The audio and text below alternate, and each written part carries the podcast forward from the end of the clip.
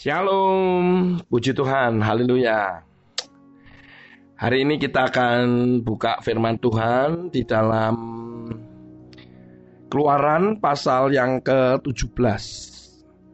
Ayat 1 sampai ayat 7 lebih dulu. Nanti kita akan lanjut pada ayat 8 sampai 15 karena ada perikop yang eh, penekanan yang berbeda antara ayat 1 sampai ayat yang ke-7 dan ayat 8 sampai ayat yang ke-15. Saya akan bacakan ayat yang pertama dulu dari pasal yang ke-17 keluaran ya.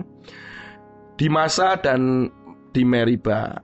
Kemudian barang berangkatlah segenap jemaah Israel dari padang gurun Sin berjalan di tempat dari tempat pening, persinggahan ke tempat persinggahan sesuai dengan titah Tuhan. Jadi orang Israel itu keluar dari Mesir itu selalu ada tempat persinggahan, artinya tempat-tempat untuk berhenti.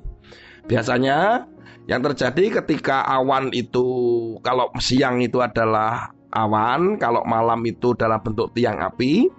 Apabila tiang api itu berhenti, maka mereka harus berhenti, mereka harus berkemah dan itulah di tempat namanya tempat persinggahan. Saya sambil jelaskan ya supaya uh, saudara juga mengerti tentang hal ini. Lalu berkemahlah mereka di Rafidim, tetapi di sana tidak ada air untuk diminum bangsa itu.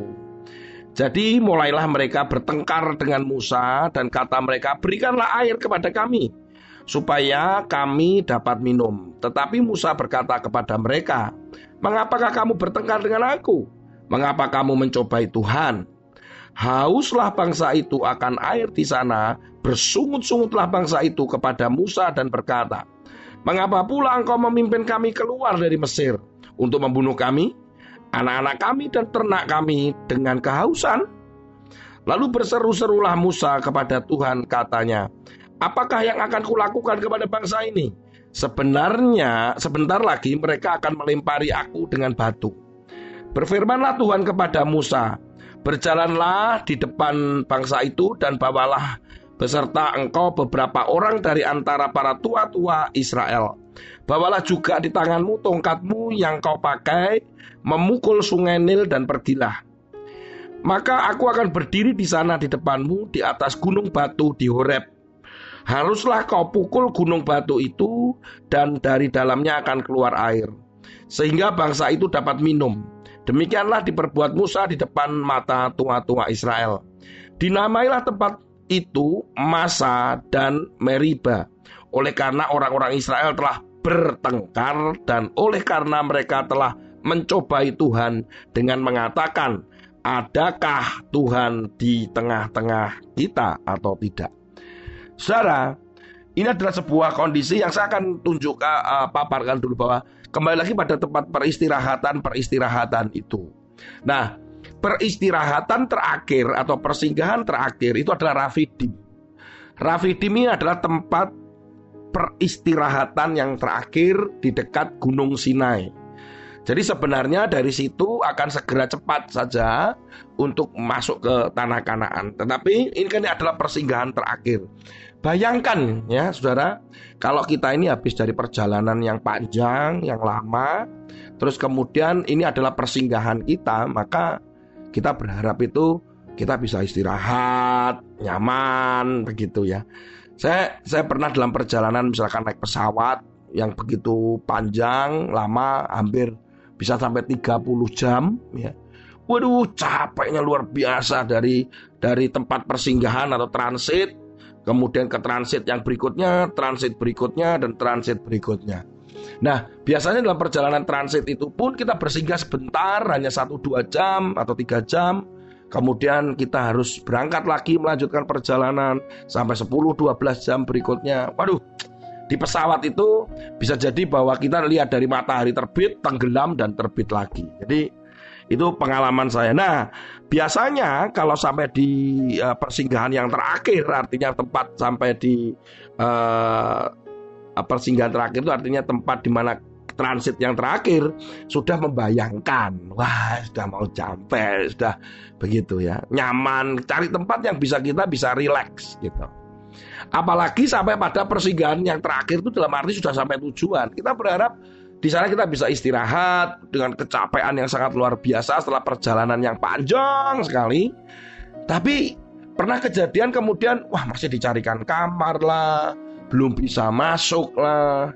Nah, kemudian uh, kami di hotel tidak diberi minum, kondisi lapar, wah macam-macam. Saya pernah mengalami itu. Jadi waktu kami mau masuk, sudah masuk hotel tapi kan tidak bisa masuk kamar.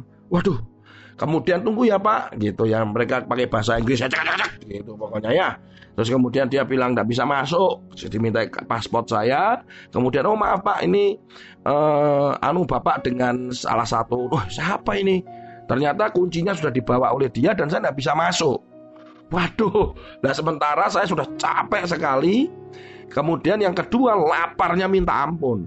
Sementara saya tanya apakah dapat makan siang, nggak dapat. Waduh, jadi wah berkecamuk ya. Jadi maksudnya, waduh mau jengkel, marah, capek sekali. Yang akhirnya makan di luar dan habis banyak gitu ya.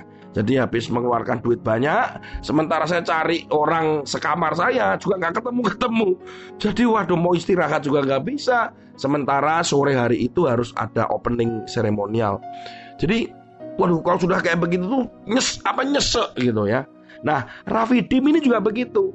Orang Israel berpikir setelah perjalanan yang begitu lama, ya, yang begitu lama, di mana sebenarnya itu apa namanya bisa apa namanya mereka bisa istirahat di Rafidim. Mereka harusnya mengalami sesuatu yang enak, sesuatu yang nyaman, tetapi kenyataannya nggak demikian. Mereka malah mengalami yang namanya kekurangan air. Bayangkan. Nah, kita ini pada masa kita sudah ada di rumah. Ya, jadi sekarang ini hari-hari ini eh, apa namanya lagunya apa God Bless itu loh apa yang lagunya lebih baik di sini itu ya. Ini lagi naik daun. Dari ini saya mendapatkan berita sudah 1,8 juta yang mendownload atau gimana begitu ya karena uh, itu uh, apa lagunya katanya penuh semangat ya, gitu ya penuh meaning penuh arti nah tapi kenyataannya ketika kita ada di rumah tempat di mana kita bisa singgah tempat kita kekurangan makan ada uh macam-macam maka kalau itu terjadi saudara maka kita akan mengalami yang dialami oleh orang Israel, bangsa Israel. Seperti yang saya alami juga, jengkel gitu ya, jenuh. Mestinya di tempat peristirahatan yang enak, tapi ada masa-masa di mana jadi jengkel. Ngelihat ada kekurangan-kekurangan. Nah, bangsa Israel ini mengalami kekurangan air. Mereka apa yang mereka lakukan? Mereka adalah bersungut-sungut, mereka bertengkar, mereka mulai ragu dengan Allah sendiri. Nah kalau kita melihat pada ayat yang kedua sampai ayat yang ketiga dikatakan begini loh. Jadi mulailah mereka itu bertengkar dengan Musa, bayangkan. Mereka bertengkar dengan Musa. Kata-kata bertengkar itu sebenarnya mereka sedang akan berusaha untuk menggantikan posisi Musa. Jadi bukan hanya bertengkar eyel-eyelan enggak. Mereka ini kamu ini becus apa enggak sih Mus gitu. Sehingga pertengkaran demi pertengkaran bisa saja loh terjadi di antara rumah di di rumah kita ya. Artinya sudah kamu yang ngatur aja. Nah, mesti gitu begitu. Sudah kamu aja aku nggak ikut-ikut, pokoknya aku ikut makan. Duh, kok enak saja. Aku ikut masak gitu. Jadi terjadi pertengkaran itu karena sebuah kekurangan. Dikatakan jadi mulailah mereka itu bertengkar dengan Musa, kata mereka berikan kami air kepada kami supaya kami dapat minum. Tetapi Musa berkata kepada mereka, mengapa kamu bertengkar dengan aku? Dan Musa juga, kenapa mesti bertengkar dengan aku? Kenapa kamu nggak minta sama Tuhan? Kenapa mesti bertengkar dengan aku? Gitu ya. Nah, kemudian dikatakan juga, kamu mengapa kamu mencobai Tuhan? Hauslah bangsa itu akan air di sana bersungut-sungut. Nah, ini mulai. Kalau sudah begitu, mereka bersungut-sungut, mengeluh lah, begitu ya dan ini adalah yang pertama tadi berikan kami air. Yang kedua, dia mengatakan begini, mengapa engkau memimpin? Katakan ini, mengapa pula engkau memimpin kami keluar dari Mesir untuk membunuh kami, anak-anak kami, dan ternak dengan kehausan. Jadi ini mulai menuntut. Artinya kalau menuntut, ini sudah kalau kita menuntut Musa, berarti kita sama dengan menuntut Allah. Nah orang Israel itu menuntut Musa, itu menuntut Allah. Nah pada saat inilah posisi antara Allah dan manusia itu menjadi terbalik. Mestinya Allah itu sebagai hakim agung, kita menjadi hakim sekarang. Gitu. Kita menjadi hakim yang terdakwanya adalah Allah. Karena kita menuntut mana air, mana berkat, mana pertolongan Tuhan, mana mujizat Tuhan, mana keamanan yang Tuhan berikan, mana itu. Kemudian kita juga melihat, tuh lihat ada pendeta yang meninggal juga karena COVID. Itu juga tuh lihat ada anak Tuhan juga yang mati. Dan seterusnya menuntut, mana keadilanmu.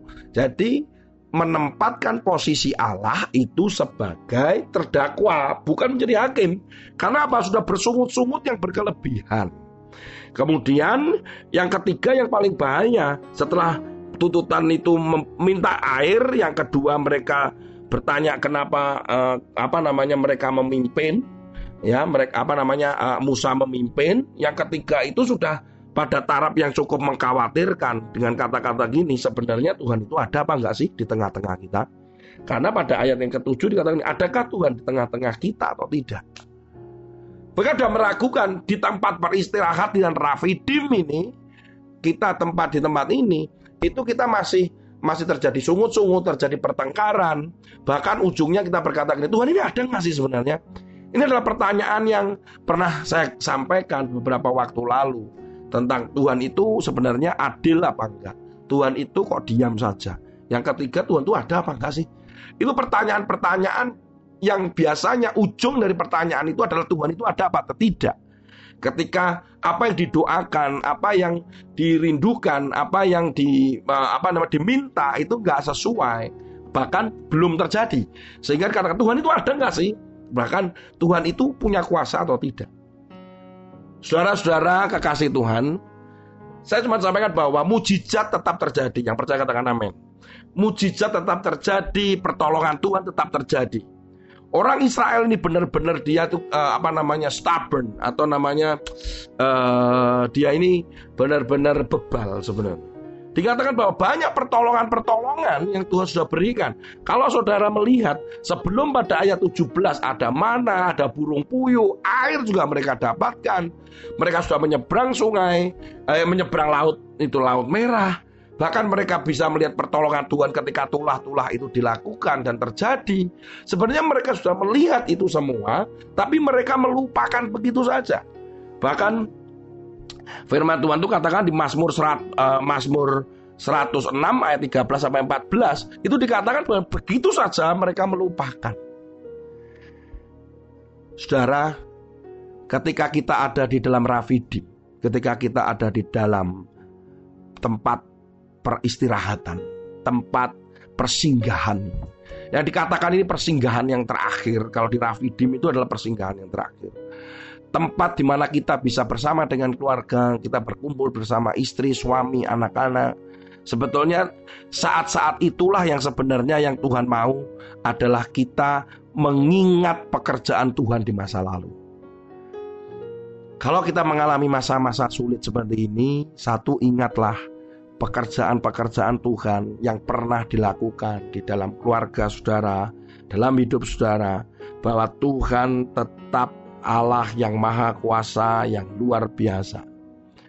Di mana lihat bagaimana Tuhan tetap menolong ketika Musa, uh, ketika Tuhan bilang sama Musa, Musa uh, ajaklah tua-tua Israel, kemudian bawa juga tongkatmu itu, kemudian uh, ada di Gunung Horeb, kemudian dipukulkanlah uh, tongkat itu di Gunung Horeb dan keluarlah air.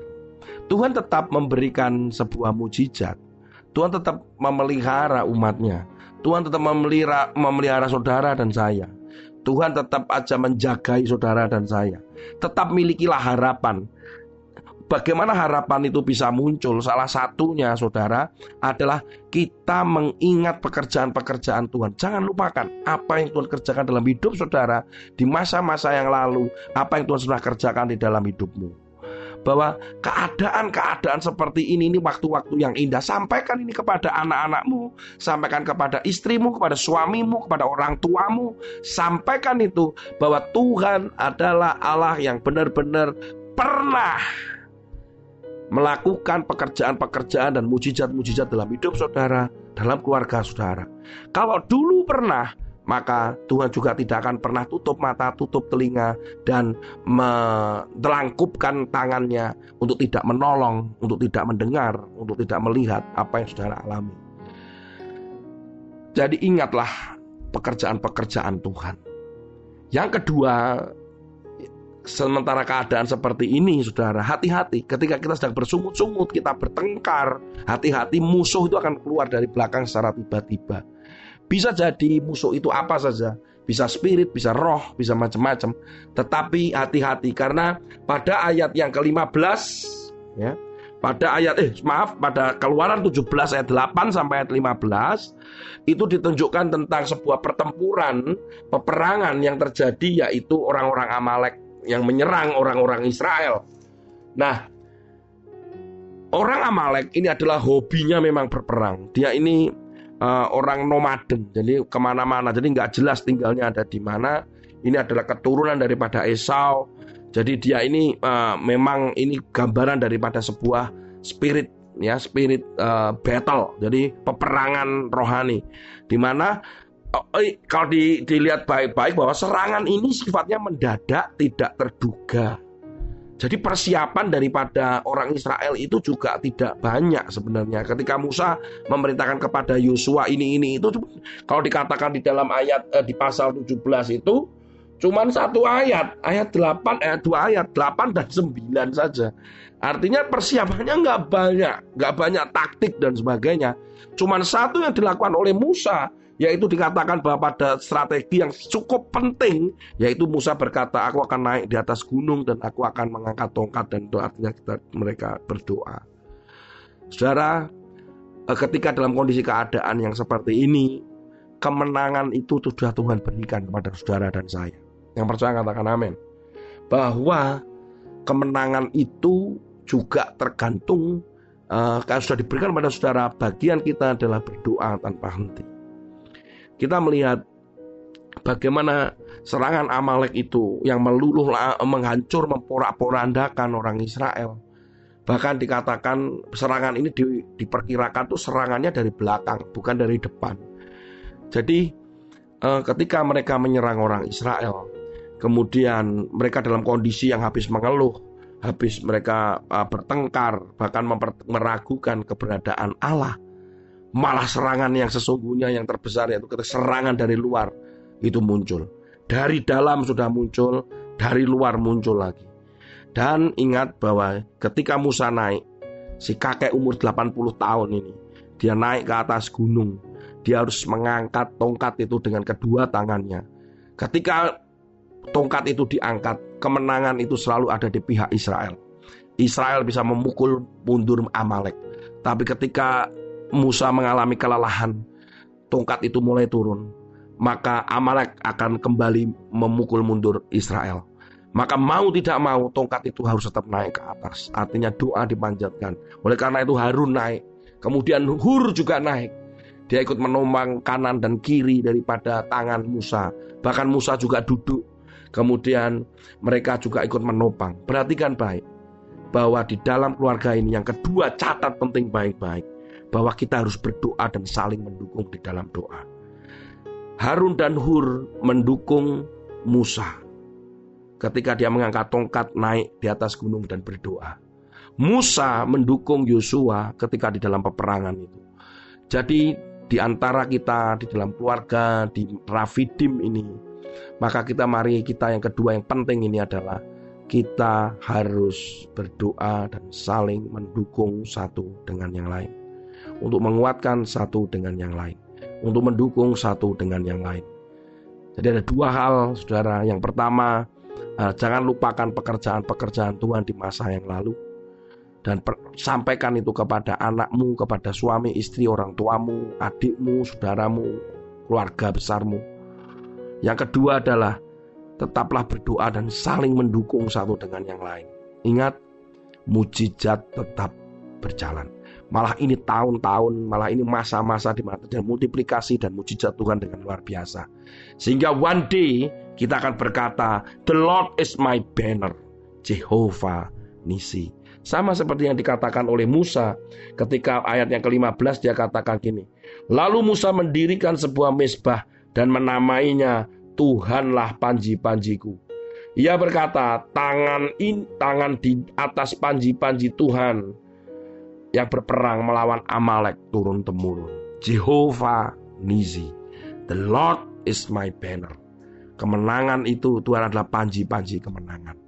Masa ini akan berlalu, akan ada sesuatu yang baru yang sedang bergerak, akan banyak jiwa-jiwa boleh dimenangkan. Come on, bertahan, dan tetaplah mengingat kebaikan Tuhan dan mujizat Tuhan dan tetaplah berdoa dengan saling mendukung.